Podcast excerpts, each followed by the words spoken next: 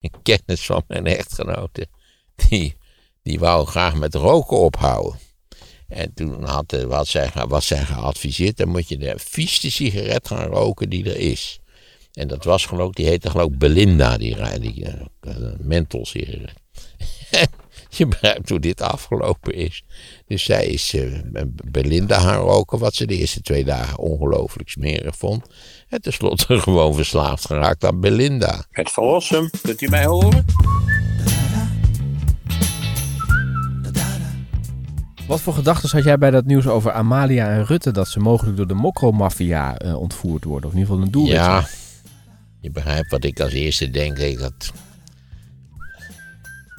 Wordt dat niet een tikkeltje overdreven? Is dit niet een, een, een reactie op iets, een vage aanduiding? Uh, hoe concreet is het eigenlijk? Uh, wat zijn dan de ideeën over een mogelijke aanslag? hoe zou dat in zijn werk moeten gaan? Moeten we ons dat voorstellen als die aanslag op die advocaat? Dat, dat, en, ja, en vervolgens komt de bekende mededeling dat hier geen mededelingen over gedaan worden. Dus ja, als zij het zeggen. Het zou natuurlijk ook ontvoering kunnen zijn hè, in plaats van een aanslag. Dat, ze, dat ze Rutte even meenemen dat hij dan opeens zo'n video moet opnemen. Van, ik geloof er geen flikker van. Ik kom vrij als... Wat levert dat nou op? Toch helemaal niks. Nou ja, dan zeggen ze bijvoorbeeld... Uh, het enige wat het oplevert is we Rutte nog eens een keer vier jaar als minister-president hebben. Hè? Ja. Martelaar voor de goede zaak. nou, dat ze zeggen, Taghi, uh, we willen Taghi vrij hebben en dan krijgen jullie Rutte terug. Nou, als er één succesvolle uh, figuur is in dit hele drama, dan is het Taghi zelf wel, toch?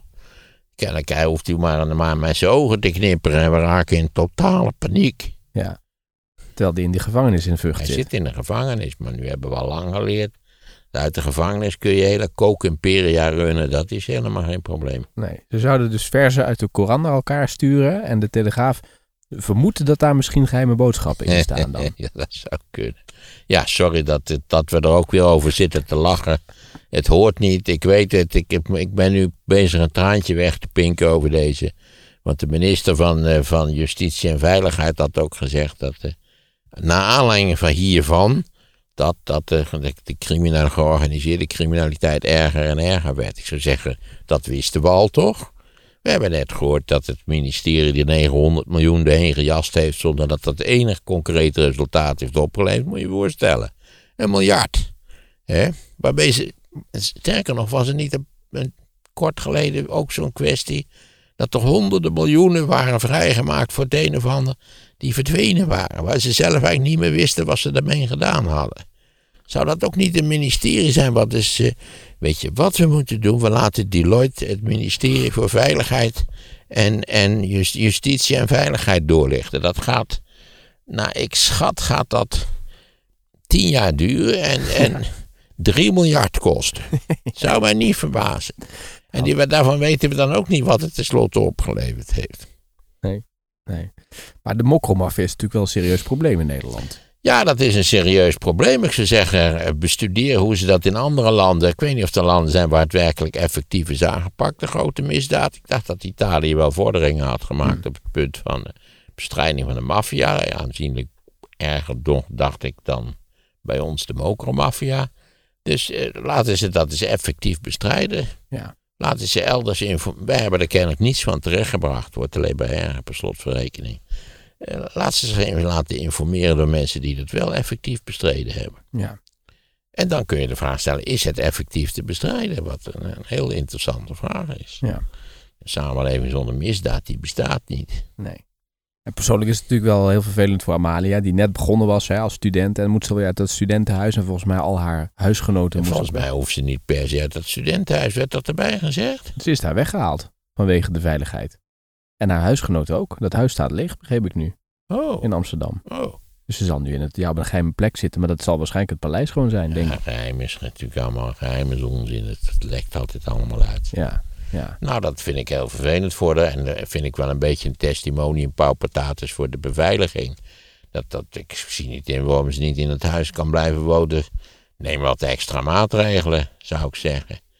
En als de beveiliging in orde was, dan was het helemaal niet nodig geweest, toch? Nou, ik denk dat je de mokromafia niet moet onderschatten. Je dacht dat ze vanaf een kilometer afstand met die speciale antitankwapens zouden zijn gaan schieten of zo. Nou, dat denk ik niet, maar ik denk als ze Een daar... javelin. Ja, nou, je weet het niet bij, bij die mokromafia. Ik denk dat die toch, eh, die, die weten wel hoe ze dingen moeten aanpakken. Oké, ik ben er niet van onder de indruk. Ja, als ik nou trouwens de mokromafia was, dan is het wel het laatste wat ik zou doen. Kijk, waarom bestaat de maffia? Dat is om makkelijk geld te verdienen. Het, is een, het gaat erom dat je in overtreding bent in, in zaken de verdovende middelen. Waar ook weer nog eens misschien overwogen zou moeten worden om tot legalisering over te gaan. Het was vroeger legaal, waarom het dan nu helemaal niet meer kan, dat is, ver, dat is een interessante zaak, waar gaan we het nu even niet over hebben. Stel voor je ontvoert maar Amalia, of je schiet met een bazooka op dat huis met verschrikkelijke gevolgen. Dan weet je dus zeker dat echt dat die samenleving niet waar zo boos zal worden, zeker in het geval van een dergelijke symbolische figuur, dat ze nog veel intensiever achter je aan zullen jassen. Dus ik zou, ik zou het vooral niet doen. Ik zou, ik zou nu een bos bloemen sturen. Sorry, maar dit is helemaal niet waar, enzovoort, enzovoort. Ja. Maar aan de andere kant weten zij ook dat Nederlanders, ondanks dat dit soort dingen gebeuren, ook gewoon die drugs blijven bestellen. Want heel veel Nederlanders zitten aan de Zo drugs. is dat. Dus is dat niet de goede reden om de cocaïne gewoon te legaliseren, Clarence Kees? Dan Ja. zit je bij van dat probleem ook af. Wat is er tegen? Je mag wel alcohol drinken. Eh, à ik bedoel, eh, hoe is het ook weer in Nederland zeggen, ook 800.000 mensen met een alcoholprobleem. Nou, waarom zou het niet nog 100.000 man bij doen met een cocaïneprobleem?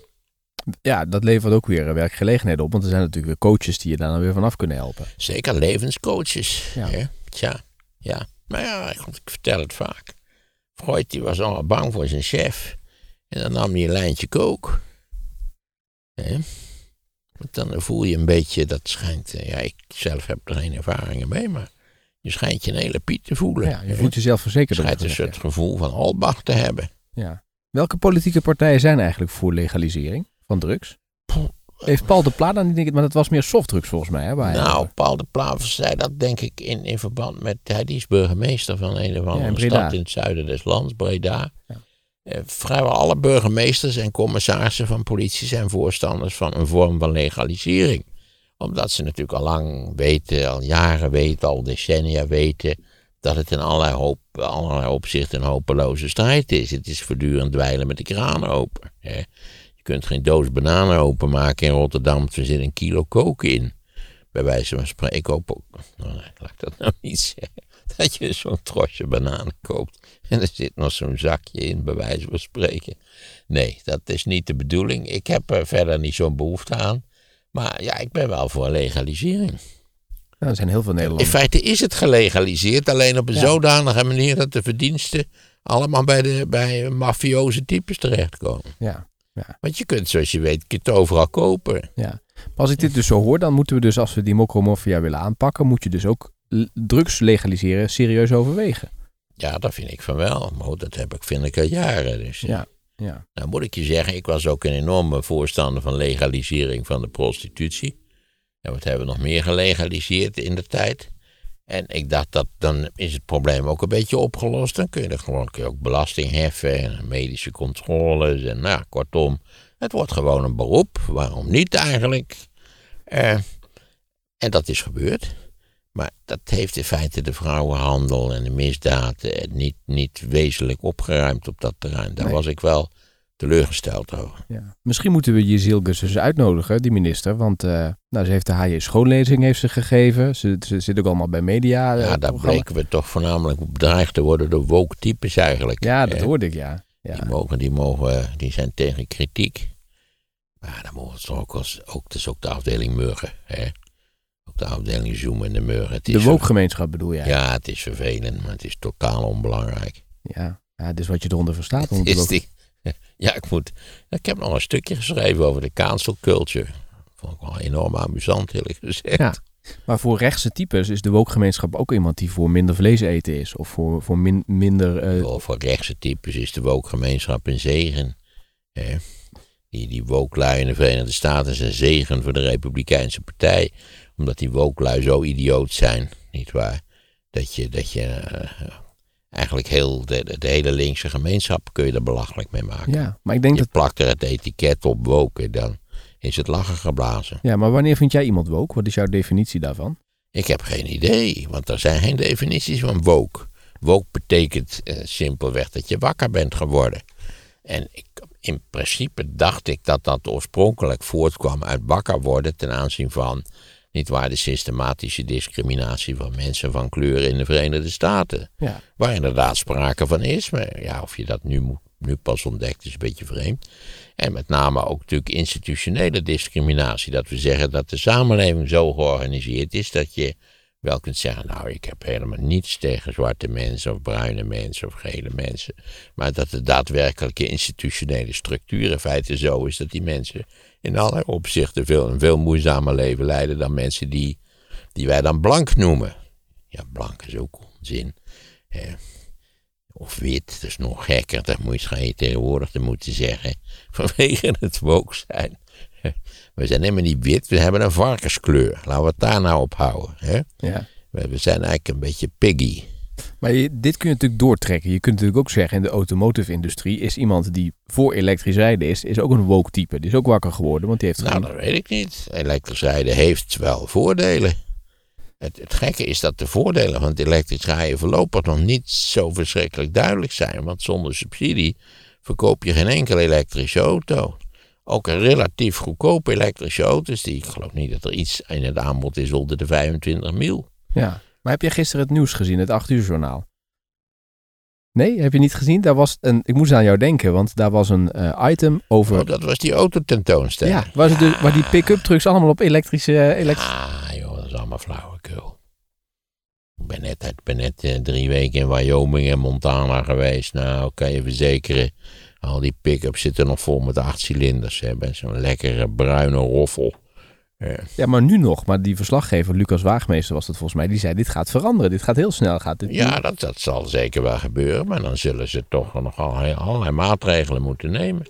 Ook de infrastructuur, zeker in de Verenigde Staten, is uiterst gebrekkig op dit punt, behalve misschien in Californië. Maar ze, ik heb, kan me niet herinneren in Wyoming één elektrisch laadpunt te hebben gezien, eerlijk gezegd. Ze zijn daar ook niet zo dol op, denk ik. En ik vind nog steeds hier, het hebben we hebben het er wel eens over gehad. Kijk, zolang als ik om 11 uur thuis kom en ik moet mijn auto elektrisch bijtanken en ik moet hier de buurt gaan ronddraaien om te kijken waar zo'n laadpaaltje staat waar ik nog mij kan aanleggen. Nee, daar heb ik helemaal geen zin in. Zeg. Nee, dat ben ik met je eens. Op. Bovendien, je zou zeggen dat het bouwen van een elektrische auto goedkoper moet zijn dan het bouwen van een auto met een, met een fossiele brandstofmotor. Maar dat is tot op heden helemaal niet zo. Nee, lithium is nodig. Vandaar ook dat die, al die rare subsidies op die elektrische auto's, dat kwam vooral te goed aan mensen die het verrekt goed zelf kunnen betalen. Ja. Ja, Dat was ook een subsidie voor de miljonairs. ja, maar daar hebben we veel batterijen, veel meer batterijen nodig. Dus lithium, dat halen ze uit mijnen, toch? Die de batterijen. Zeker, dat komt uit mijnen. En, en dat schijnt nu dan grotendeels uit China te komen, als ik het allemaal goed begrepen heb. Maar dat betekent dat je, je moet dat beter zoeken. En dan zul je zien, eh, vroeger dachten we ook dat aardolie eh, vrij beperkt voorkwam. Als je goed zoekt, dan... eh, Ja. Maar ook daar, als je ik begreep dat er in Tsjechië ook een hoop lithium te vinden was. Ja. Maar ook als je daar weer het woke-venster even opplakt, in die mi- mijnen gaat het er niet altijd heel erg aardig aan toe. Nee. Die werkomstandigheden en Er zijn dergelijke. heel weinig mijnen waar het er fijn aan toe gaat. Zoals tussen de middag dineren met, met damasten tafellakens en allemaal dat soort van dingen. Nee, dat, eh, dat is er niet bij, nee. Ja. Staat die man naar jou te zwaaien? Weet Ik weet niet. Staat weet naar niet wie het is. Nee, of ze zwaaien naar iemand hier achter het raam. Dat Hij zou... zwaait naar Bart, denk ik. Oh, naar Bart zwaait. Bart woont hier ook. Oh, kijk. Kijk, kijk, kijk. Maar ik vond wel, ze liet ook een hummer zien, waar volgens mij ja, zes of zo. ja, maar dat was wel amusant. Dat is natuurlijk, dat zie je ook wel eens hier in. eh, ik wil nou verder hier geen praktische voorbeelden geven. Maar dat heb- hebben de mensen een elektrische auto en er is dan zo'n enorm Duits monster van 2,5 ton. Eh, bouw dan ook een zo efficiënt mogelijk eh, auto met aluminium en, en, en nou ja. Nou ja, de Tesla 3, dat blijft toch tot op heden. Want dat die heeft Bart daar nu net ge- geparkeerd. Dat blijft toch op het heden, naar mijn gevoel, de, het voorbeeld van een efficiënte en aantrekkelijke elektrische auto. Ja. Maar, die, die kost ook nog een, eh, een map geld. ja. ja, een ton volgens mij, toch? Nee, zo'n Tesla 3 die heb je met één motor en met, eh, niet met all-wheel drive. Denk ik dat het, eh, wat zal het in kosten? Ergens, tussen de 50 en de 60. Ah, dat is het Jan Modaal model. Ja, dit is het Jan Modaal model. Precies. Ja, ja, ja. Maar dat, dat, dat, je, dat beeld wat dus geschetst wordt van Amerika is om. We gaan nu helemaal op elektriciteit. Jij gelooft Oh, dat, dat niet. is volstrekt te flauwekul. Maar, maar het is... eh, Het wordt wel... Je ziet ook in Amerika toch Het steeds meer... zal eh, sterk toenemen, zonder meer. Maar ook een actieradius, daar kun je lang en kort over lullen. Het is nou dat die Tesla's een heel behoorlijke actieradius hebben. Maar heel, veel, heel vaak is het zo dat je, zeker als het de winter is, mag je in je handen knijpen als je er 350 kilometer mee kunt rijden. Ja, ja, dat klopt. Dus als je gaat spreken in Bellingwolde vanuit Utrecht, en, dan- moet je al eh, zorgen dat je in Bellingwolde extra tankt om nog thuis te komen. ja. Nee, jij rijdt dan hybride, dus je hebt dan nog eh, de fossiele brandstof. maar- Daarom, ik heb een heel fijn compromis. Ja, maar er zijn ook mensen die dan eh, die zetten dan een standje aan, eh, eh, hoe is dat, comfortabel heb je. En je hebt ook natuurlijk Economy Plus of zo. En als je dat dan aanzet, dan kun je weer net Eco, zeker. Ja. heb je hele moderne, heel veel moderne auto's. In mijn auto kun je, ook, kun je hem ook op eco zetten. Ja, En op sport, normaal en eco. ja, Ik heb hem altijd op eco. Ja. Waardoor je dus echt inderdaad, hij trekt op alsof die, of er een kabouter achterin een, aan, een, aan een rad draait, bij wijze van spreken. En eh, de verwarming uitzetten, dat zie je mensen ook wel eens doen. Ja, of dat de- ga ik allemaal niet doen. Nee, nee, nee. Oké, dus eh Ta- ja, ook. Wel. Taghi en Mohammed B, want daar, hadden we, daar begonnen we over. Daar, heb je dus, eh, daar maak je je niet echt druk om. Wat zij in die eh EB Dat heeft geen zin. Nee.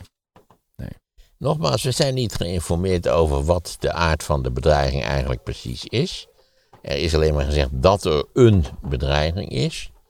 Eh, dus ja, wat moeten we er voor verstandigs over zeggen? We hebben nog een eh, eh, vraag gekregen van Bart. Die sluit er ook wel een beetje bij aan. Hij is student Industrial Engineering and Management. En hij zegt, eh, wat vindt Maar- Maarten van minder vlees of vis eten in ehm, ja, relatie tot een, een milieu en de verbetering van het milieu? Ja, daar moet ik u zeggen dat ik daar een wonderlijk antwoord op geef. Ik geef niks om vlees.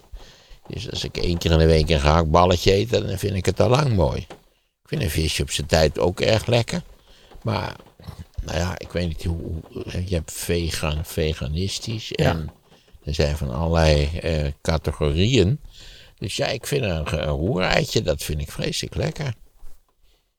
Maar ja, nee, ik heb eh, nogmaals zo... ge- Wat je ook in Amerika was, dat geeft altijd iets potsierlijks. Dat je dan zo'n enorm stuk vlees op je bord krijgt. En eh, ik vind dat dan eigenlijk vervelend.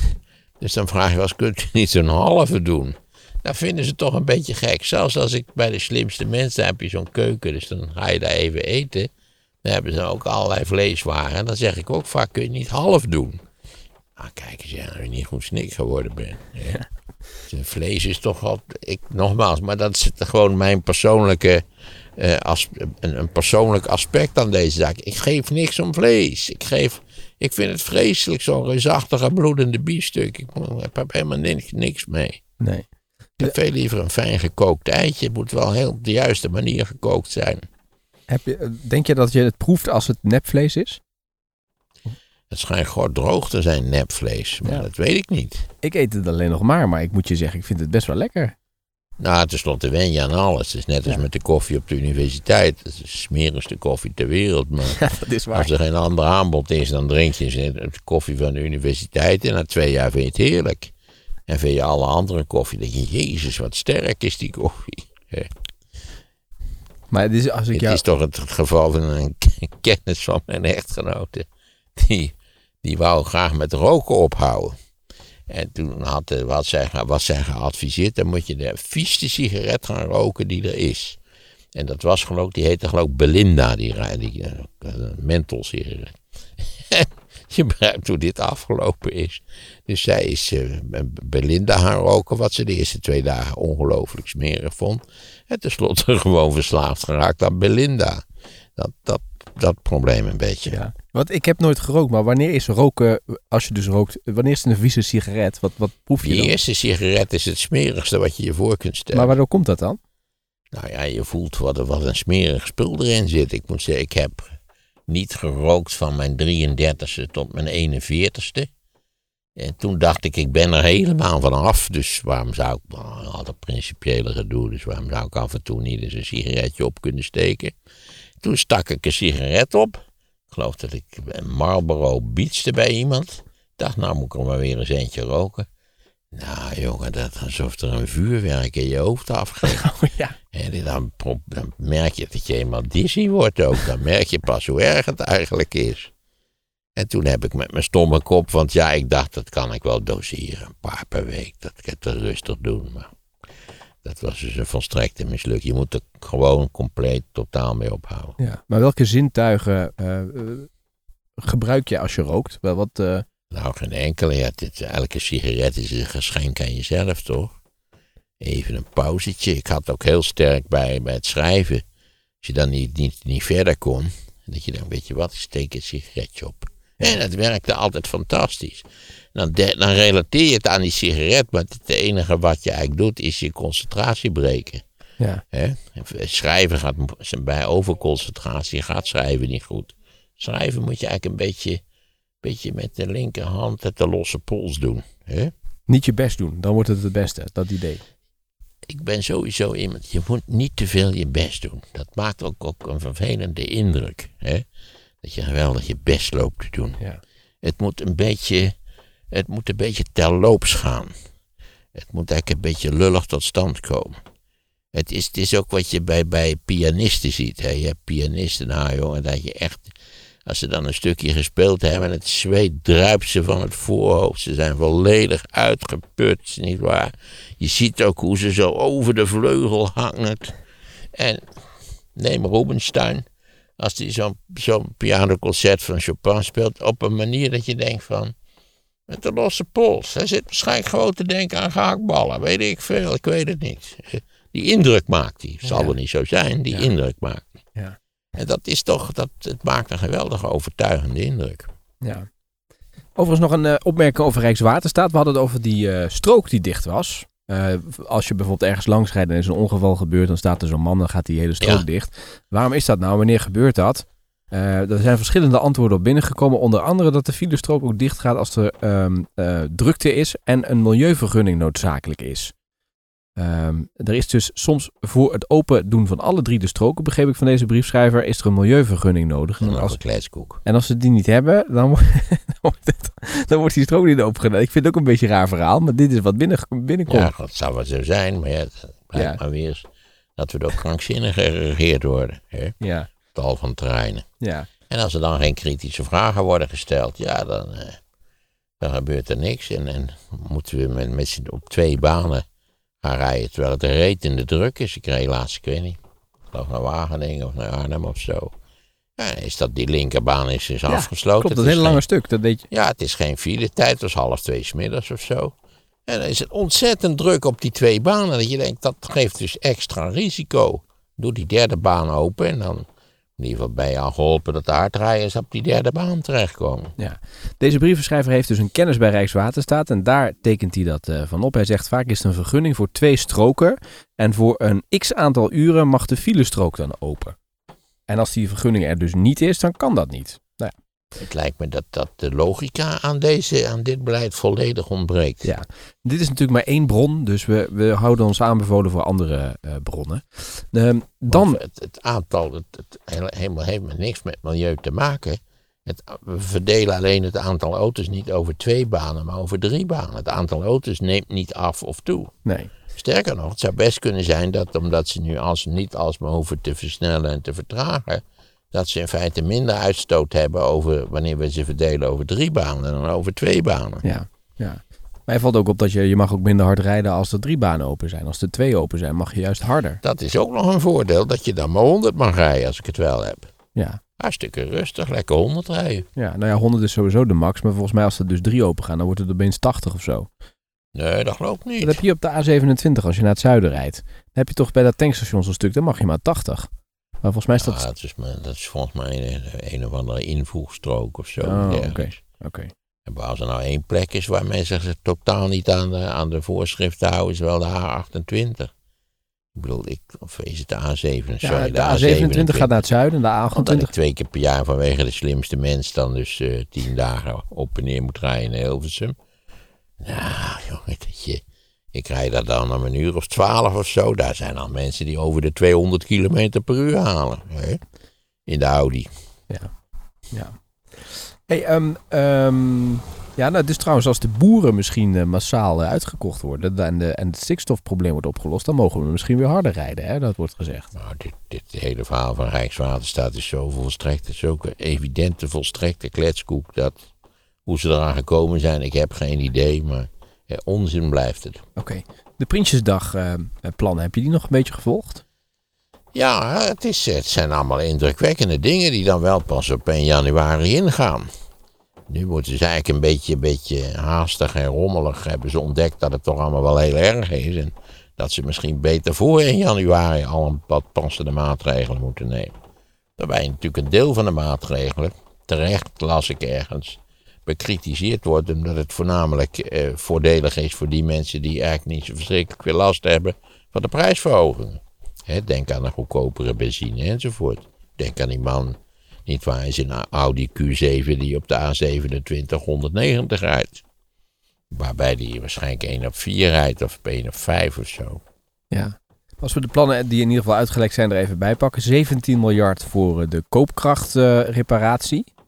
10 miljard voor het betaalbaar houden van de energierekening. Ehm, in ieder geval voor de consumenten en ook voor de bedrijven.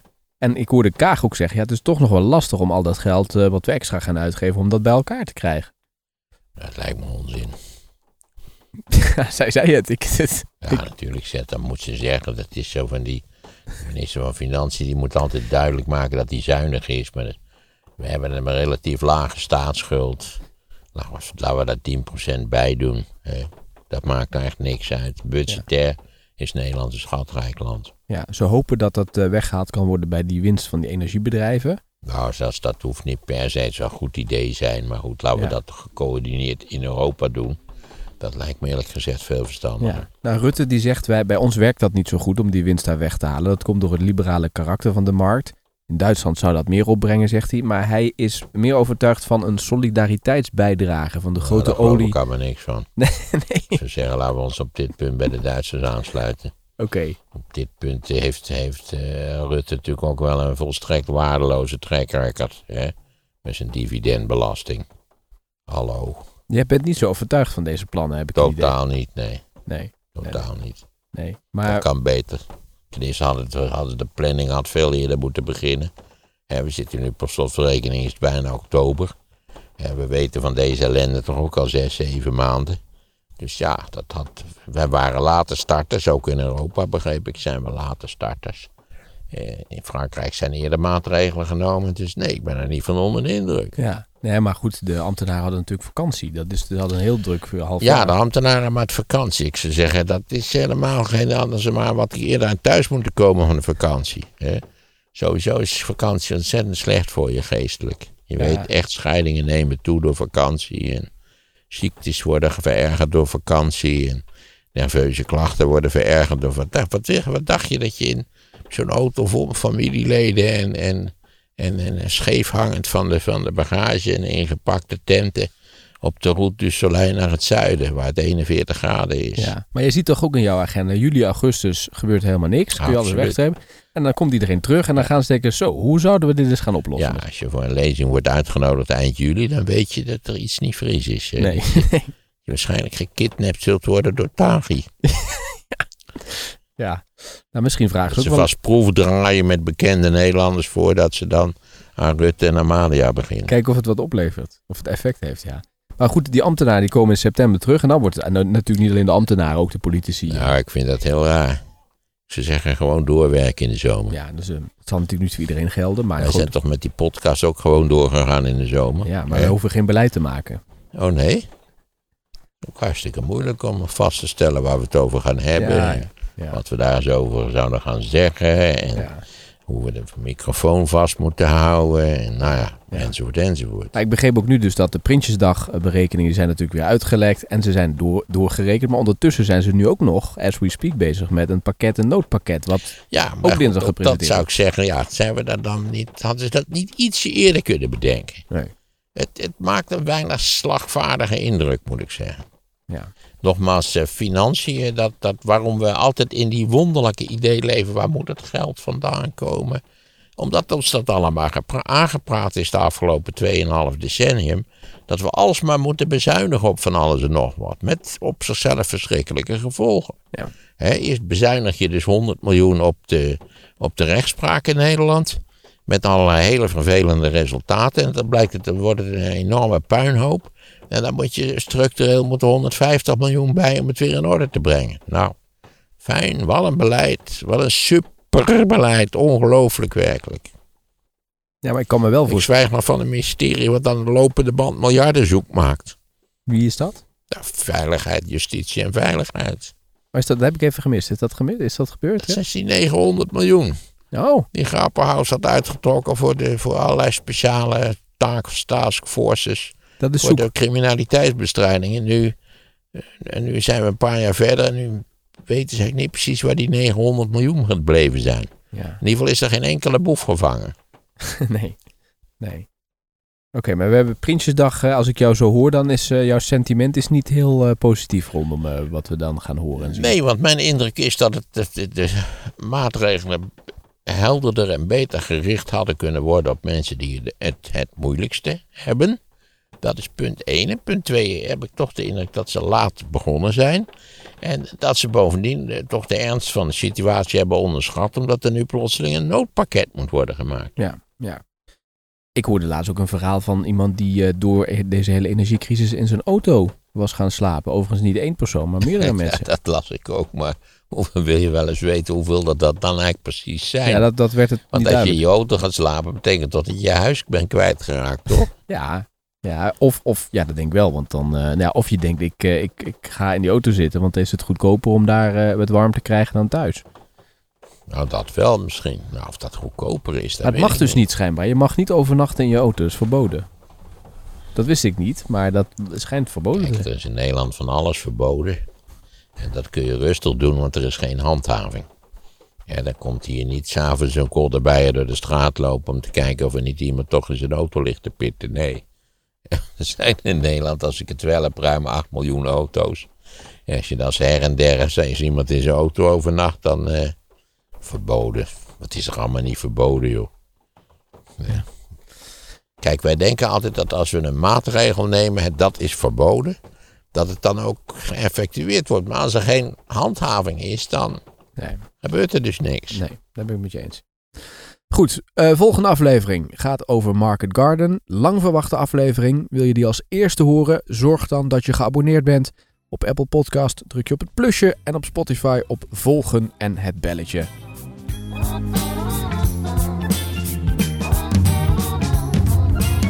Enorm Duits monster.